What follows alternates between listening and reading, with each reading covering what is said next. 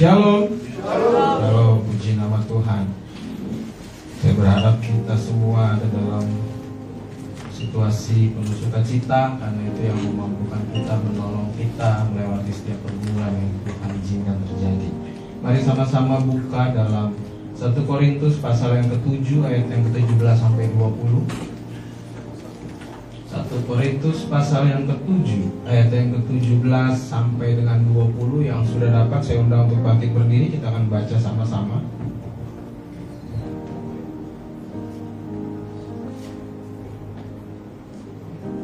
Sudah dapat boleh berdiri Kita akan baca sama-sama 1 Korintus pasal yang ke-7 Ayat yang ke-17 sampai dengan 20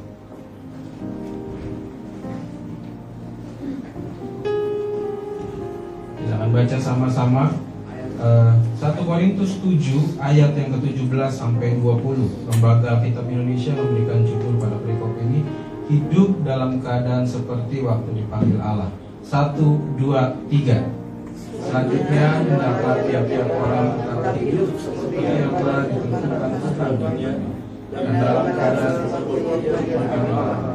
Inilah ketetapan yang diberikan kepada semua jemaat.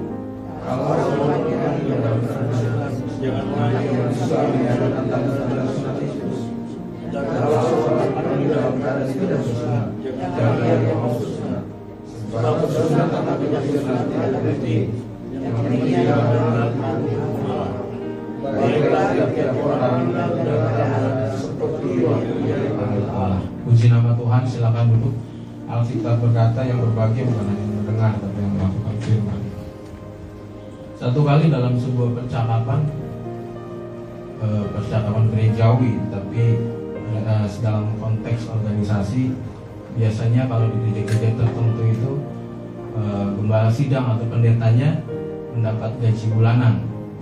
Sama kayak di Petra Petra tapi tahunan apa? Demi tahun oh harian ya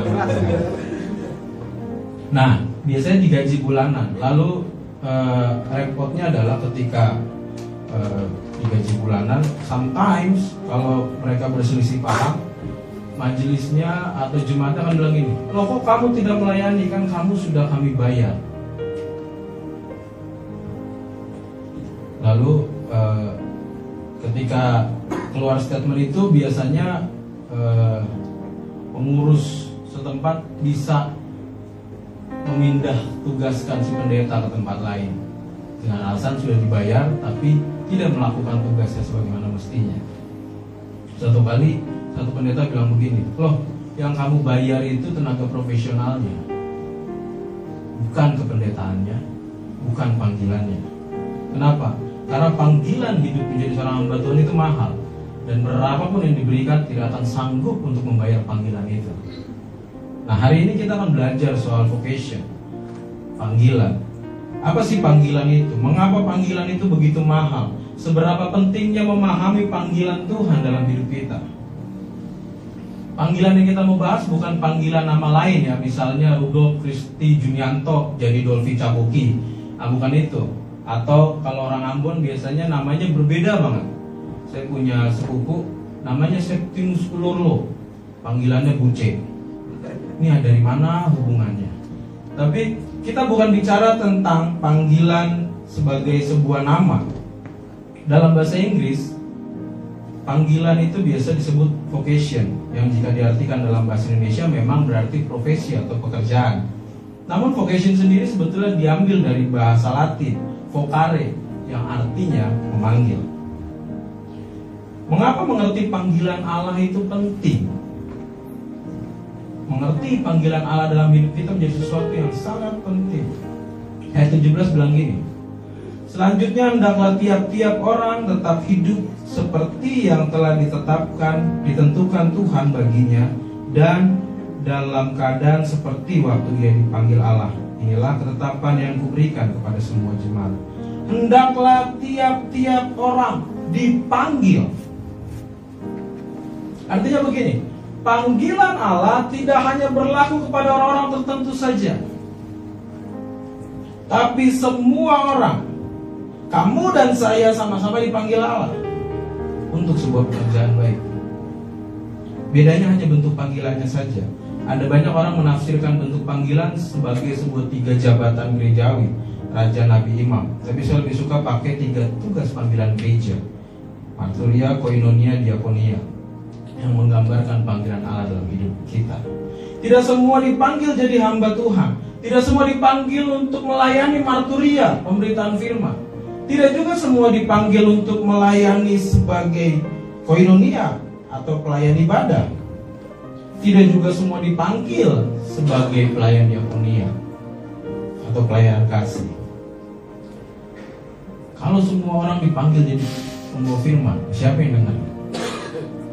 Kalau semua dipanggil jadi pelayan ibadah, siapa yang jadi jemaat? Tapi setiap kita punya panggilan kita masing-masing. Entah itu marturia, entah itu koinonia, entah itu diakonia. Setiap orang dipanggil dan setiap orang punya panggilan yang mungkin gak sama dengan yang satu dengan yang lain. Namun mengerti panggilan Tuhan menjadi sesuatu yang penting dalam hidup kita. Yang pertama yang jadi poin perenungan kita sore hari ini. Kenali apa panggilan Tuhan dalam hidupmu. Saudara di fase-fase tertentu kita kehilangan cerita. Tanya di sini siapa yang mencapai cita-citanya mungkin semua. Dulu pengen jadi pilot, kecil tuh saya pengen jadi pilot. Gaya-gayanya dia pilot pesawat tempur F-16 sampai saya tahu tipenya. Lalu ber menjelang dewasa beranjak dewasa kakak Kurani ceritanya berubah jadi pendeta sampai hari ini udah jadi pendeta Sometimes di fase-fase tertentu umur kita kita nggak tahu kita mau jadi apa sebetulnya. Cita-cita kita apa ya? Kita lari banget dari cita-cita kita. Bagi saya begini, kehilangan cita-cita ya udah nggak apa-apa. Tapi kehilangan panggilan adalah tragis. Engkau boleh kehilangan cita-citamu tapi tidak boleh kehilangan panggilan Tuhan dalam hidupmu.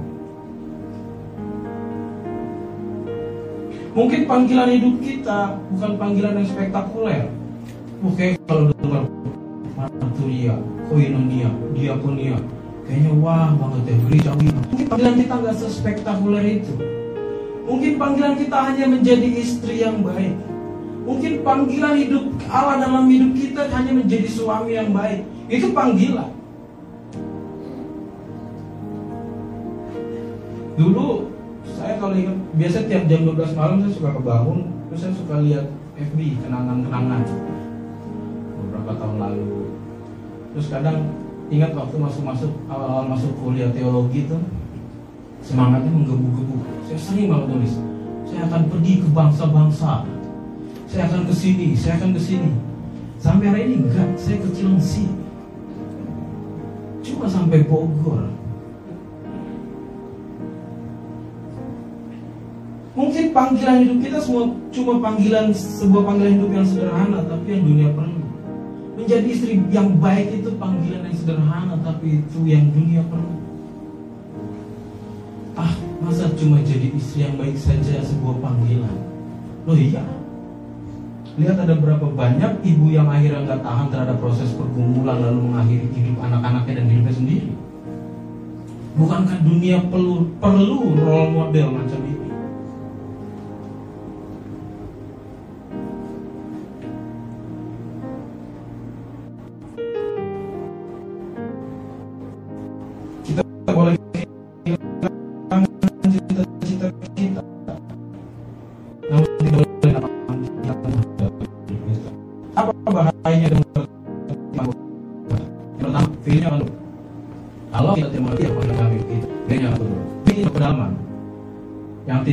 Lihat sound system akan dipakai untuk apa?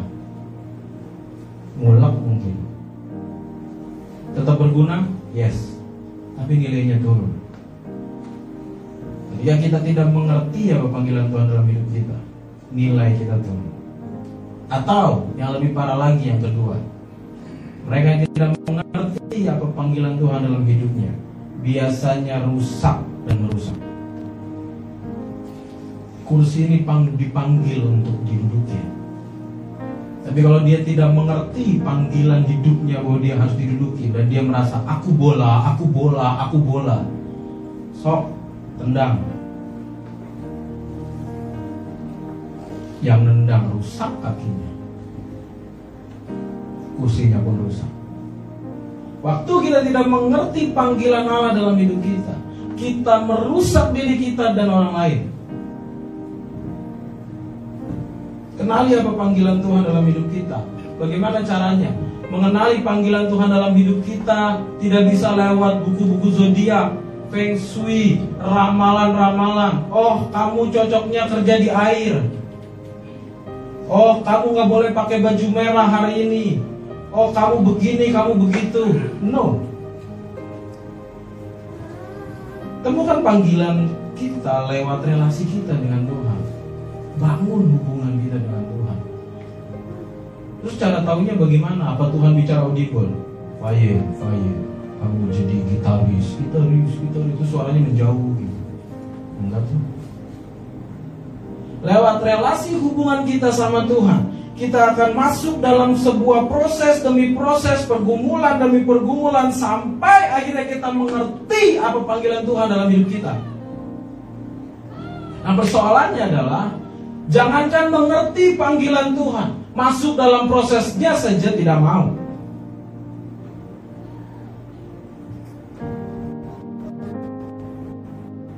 Hari ini mari cari tahu hubungan kita dengan Tuhan. Bangun relasi kita dengan Tuhan. Agar waktu kita dibawa masuk dalam setiap proses yang ada, kita semakin mengerti apa panggilan Tuhan dalam hidup kita. Yang kedua, hidupi panggilan itu sendiri. Ayat 17 bilang begini. Uh, tetapi Selanjutnya tiap-tiap orang tetap hidup seperti pada waktu ditentukan Tuhan baginya dan dalam keadaan seperti waktu ia dipanggil Allah. Semua orang dipanggil, yes, that's good news. Persoalannya adalah tidak semua orang dipilih. Semua orang dipanggil, yes, tapi tidak semua orang dipilih. Matius 22 ayat 14 bilang banyak yang terpanggil, sedikit yang dipilih. Ayat ini sebenarnya merupakan sebuah penutup dari perumpamaan perjamuan kawin yang Yesus utarakan. Dan sepertinya e, metode dipanggil tapi sedikit yang terpilih menjadi sebuah metode berulang yang Allah buat, yang Allah ingin tunjukkan dalam berbagai peristiwa.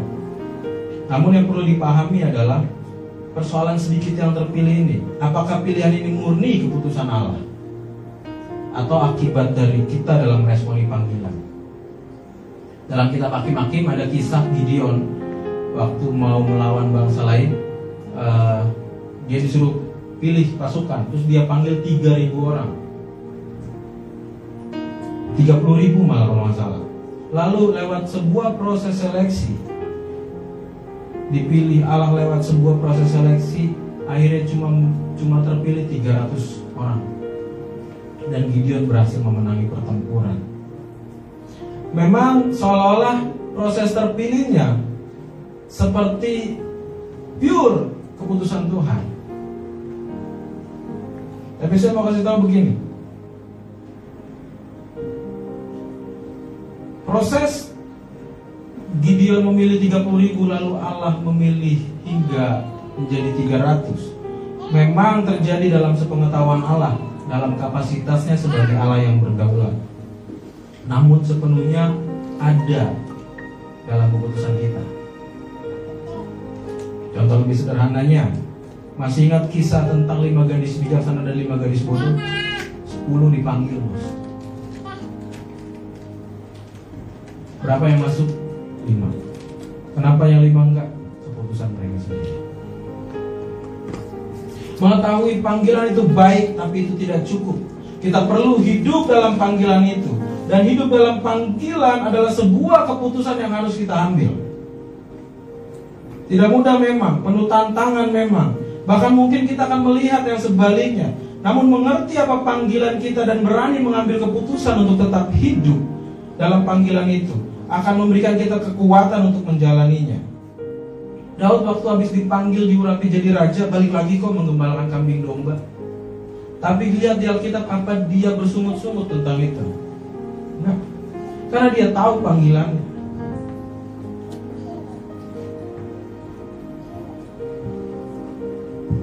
Setelah menikah saya menjalani sebuah proses transisi yang yang tidak mudah.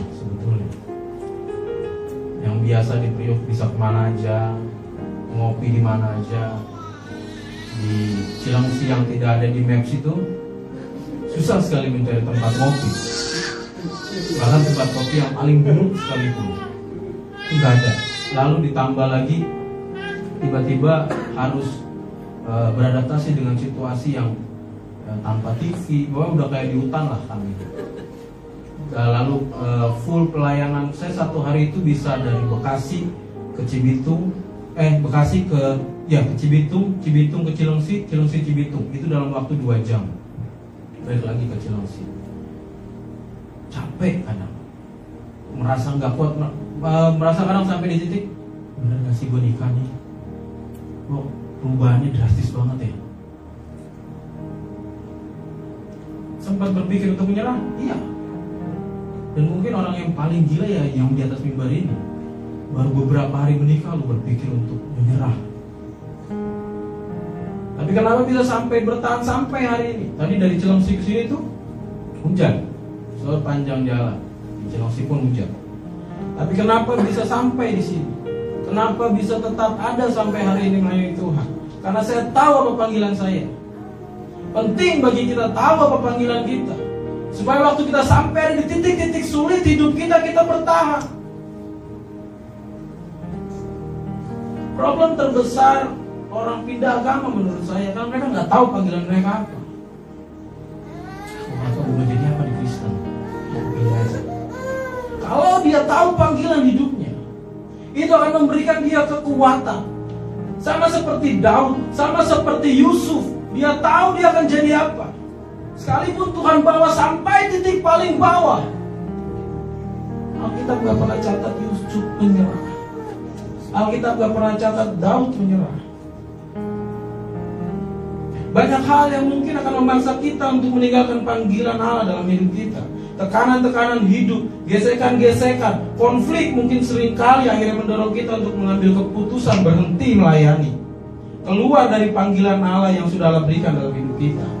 Di saat itu sebetulnya kita pas untuk menguji apakah panggilan hidup kita panggilan Allah dalam hidup kita didasari oleh kasih kita kepada Tuhan atau hanya karena situasi yang terjadi di sekitar kita. Seringkali panggilan itu muncul ketika kita pulang ibadah. Seringkali panggilan itu terbentuk ketika kita sedang ikut KKR dan musiknya bagus. Salah dengan itu? Enggak. Saya tidak menutup Allah memakai cara apa pun untuk memberikan kita panggilan hidup. Tapi bagaimana mengujinya? Waktu kita tadi titik-titik tersulit, kita meninggalkan panggilan itu. Kalau kita meninggalkan panggilan itu, kita tidak melakukannya dengan kasih kita terhadap Tuhan. Ketika kita melakukannya dengan kasih, maka kita akan melakukan dengan sukacita. Tapi banyak orang tidak berani mengambil keputusan untuk hidup dalam panggilan. Karena pertama, takut terluka, takut disakiti, takut gesekan dan lain sebagainya.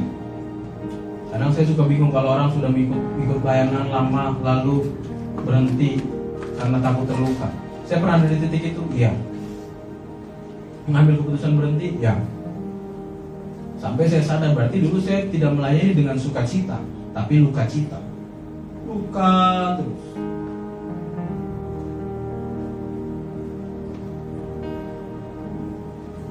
Ada di Cilengsi itu bukan sesuatu yang mudah ya. Orang pikir, wah enak nih pengantin baru. Kami banyak sekali menghabiskan waktu di jalan untuk melayani Ditambah lagi Marcel yang sudah ke sana. Tidak ada pelang gereja di sana. Karena uh, pertama masih pos pelayanan. Kedua, tempatnya juga tidak kondusif untuk menyebut itu gereja. Pertama kali saya datang, majelisnya langsung samperin dan bilang, iya pak, di sini mah dulu sering digangguin. Orang tetangga tuh gitar musik gede-gede. Hmm, saya cocok. Kami nggak tahu uh, ke depannya tantangan-tantangan apa yang dihadapi. Begitu masuk bundaran satu itu ada poster gede, cogan tuh dulu. Imam besar. Gede itu. Begitu lah karena panglima akhirnya turun tuh. Bekasi daerah-daerah sana itu rawan sekali, rentan sekali dengan hal itu. Itu yang kadang buat saya, wih berat banget ya menghadapi situasi pelayanan yang sedemikian rupa. Bahkan ada beberapa teman dari istri pendeta. Waktu itu uh, pelayanan kematian, jadi ada jemaat meninggal, lalu istri saya harus dari Cibitung ambil baju cuma buat ambil baju pelayanan. Kita harus balik ke Cilengsi ganti baju terus balik lagi ke Cibitung. Lalu bilang beli aja sih mengambil toga. Oh ya nggak bisa beli. Mahal akhirnya kita sambil. Lalu pendeta rekan pendeta bilang gini pokoknya satu jam ya bolak balik Cilengsi Cibitung oh. Iya pendeta. Ya tapi jangan ngebut bagaimana caranya satu jam jangan ngebut ngebut bolak balik uh, Cilengsi Cibitung keluarlah jiwa pemuda berbadan gelap saya kan mualaf. Maka udah udah macem-macem lah gayanya mau menyerah ya? Tapi mengerti panggilan membuat kita mampu bertahan. Saya masih banyak belajar? Iya. Kita semua masih sama-sama banyak belajar. Tapi gini waktu kita ada di titik sulit itu itu mau bagi uji. Saya bukan panggilan saya karena kasih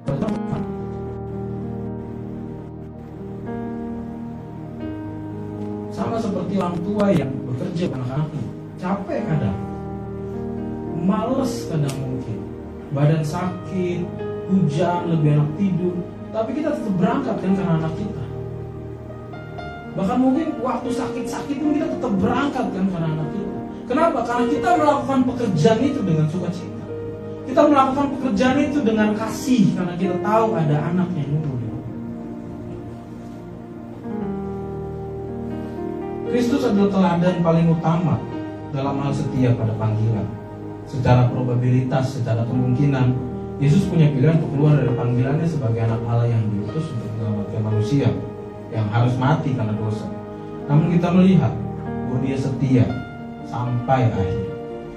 Semua orang dipanggil tapi tidak semua orang dipilih. Dipilih atau tidak tergantung apakah kita berani mengambil keputusan untuk tetap hidup dalam panggilan Allah dalam hidup kita. Poin yang terakhir, mereka yang mengerti panggilan Allah adalah orang-orang yang bersedia untuk tidak kembali. Semua tokoh Alkitab yang mengerti panggilan hidupnya mengambil keputusan untuk hidup dalam panggilan itu dan berakhir dengan kondisi bersedia tidak kembali. Yunus dipanggil ke Niniwe dan tidak ada catatan bahwa dia menghabiskan masa tuanya untuk kembali di God Ever. Musa tidak pernah kembali untuk menikmati masa tuanya di rumah. Para rasul dan semua pemberita Injil dari zaman Yesus sampai hari ini bersedia tidak kembali. Mereka pergi jauh dari tempat asal mereka, menderita demi nama Kristus yang mereka beritakan bahkan mati karenanya. Kenal Manson, rasul dari Batak, meninggalkan Jerman tempat kelahirannya, sampai mati di Samosir hanya untuk hidup dalam panggilan Allah. Menghadapi berbagai tantangan yang luar biasa waktu itu. Catatan sejarah bahkan menulis kalau nggak dia datang bertiga dan dua temannya dibunuh di sana di Batak. Tapi Robinson gak menyerah. Dia terus ada di sana. Dia tahu panggilan hidupnya. Dia belajar bahasa Batak. Dia belajar budaya Batak. Dia larut dalam kebudayaan itu dan melakukan perubahan besar-besaran sampai Injil diterima di negeri itu sampai hari ini. Apa yang Robinson dapat? Uang, kehormatan, jabatan. Tapi pancaran sukacita dari mata orang-orang yang menerima Yesus jadi Tuhan dan Juru Selamat Itu menjadi sukacita tersendiri bagi Lorenzo yang tidak bisa dibeli dengan apa pun. Itu mengapa vocation, panggilan itu mahal harganya. Apa yang kita hadapi saat ini tidak seberat yang dihadapi murid-murid saat itu. Tidak seberat apa yang dihadapi Nomensa.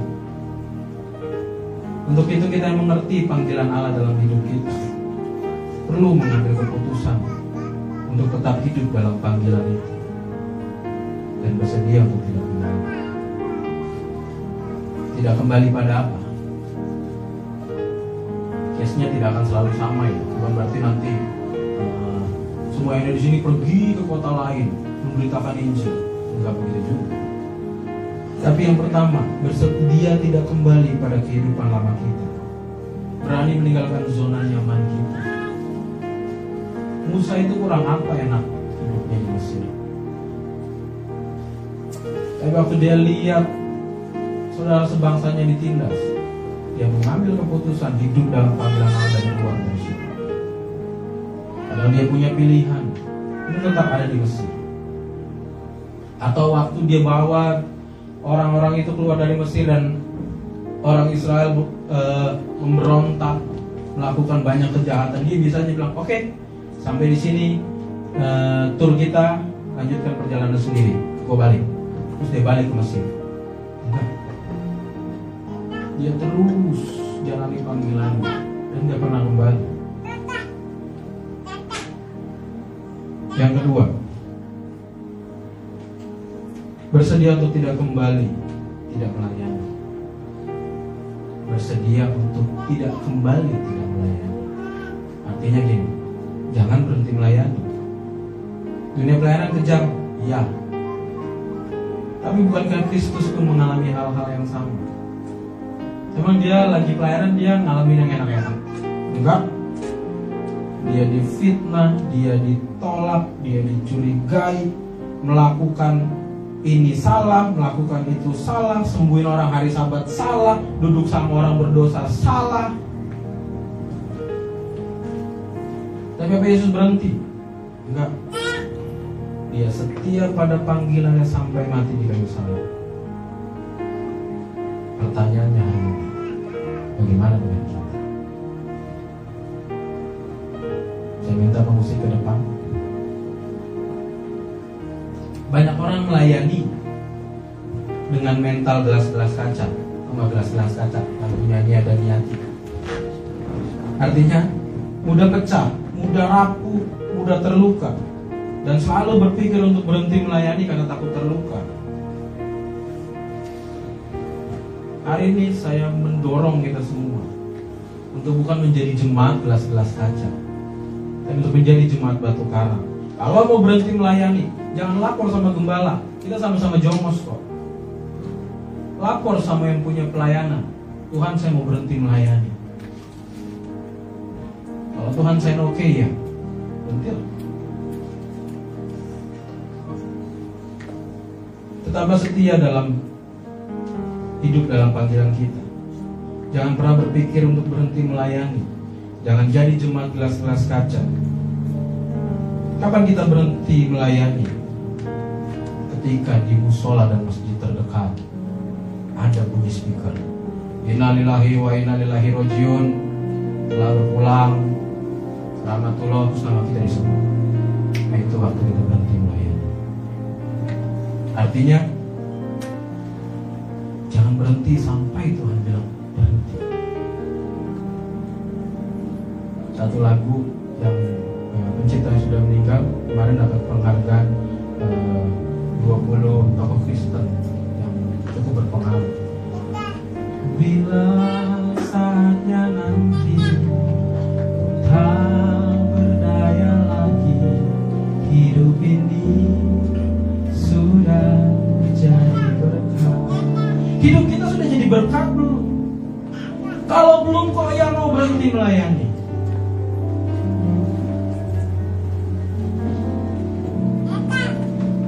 Hari ini mari kenali panggilan hidup kita.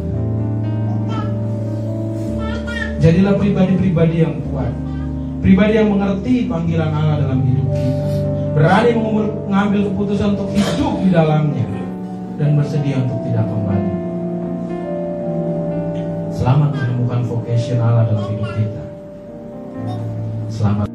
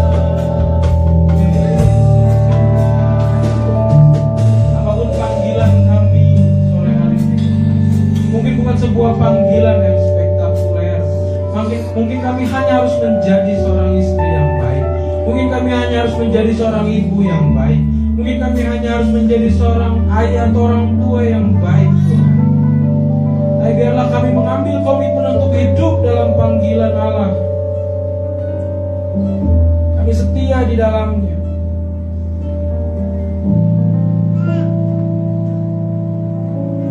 Sehingga ketika engkau kembali mendapati kami ini, Kami setia pada panggilan ini Untuk setiap kami ambil bagian dalam melayani di tempat ini Mari Tuhan berikan kekuatan. Mari Tuhan menolong, mari Tuhan yang menopang. Mulai dari gembala beserta istri dan keluarga Wakil gembala, gembala beserta istri dan keluarga. Bahkan setiap kami yang ambil komitmen dalam melayani Tuhan tolong dan Tuhan. Kami percaya bahkan setiap jemaat Tuhan yang duduk di tempat Yang berdiri mengambil komitmen untuk hidup dalam panggilan Tuhan. Tuhan juga memberikan kekuatan. Tuhan juga menolong dan menopang Di tengah pandemi yang masih terus saja Tuhan Kami hanya bersandar kepada satu lengan yang penuh kuasa yaitu Tuhan sendiri Tuhan yang berikan kami kekuatan untuk melewati titik-titik kritis ini. Tuhan yang berikan kami kekuatan untuk boleh terus bertahan. Sehingga waktu semuanya selesai, setiap kami boleh berkata Tuhan baik dalam hidup kami. Terima kasih buat sore hari ini Tuhan. Kami boleh dengar firman-Mu. Kami boleh nyanyi. Kami boleh meresponi firman. Biarlah segala kemuliaan hanya bagi nama Tuhan. Dalam nama Tuhan Yesus. Untuk setiap pergumulan kami pribadi lepas pribadi Yang mungkin hanya kami dan Tuhan yang tahu Engkau yang melihat sampai jauh ke dalaman hati kami Tuhan Dan Engkau yang menjawab dan menggenapi Dalam nama Tuhan Yesus Kami bawa doa kami Kami bawa pergumulan kami Kami bawa semua isi hati kami ke hadapan Tuhan Dan membuka mengucapkan selamat Bapa kami yang suci,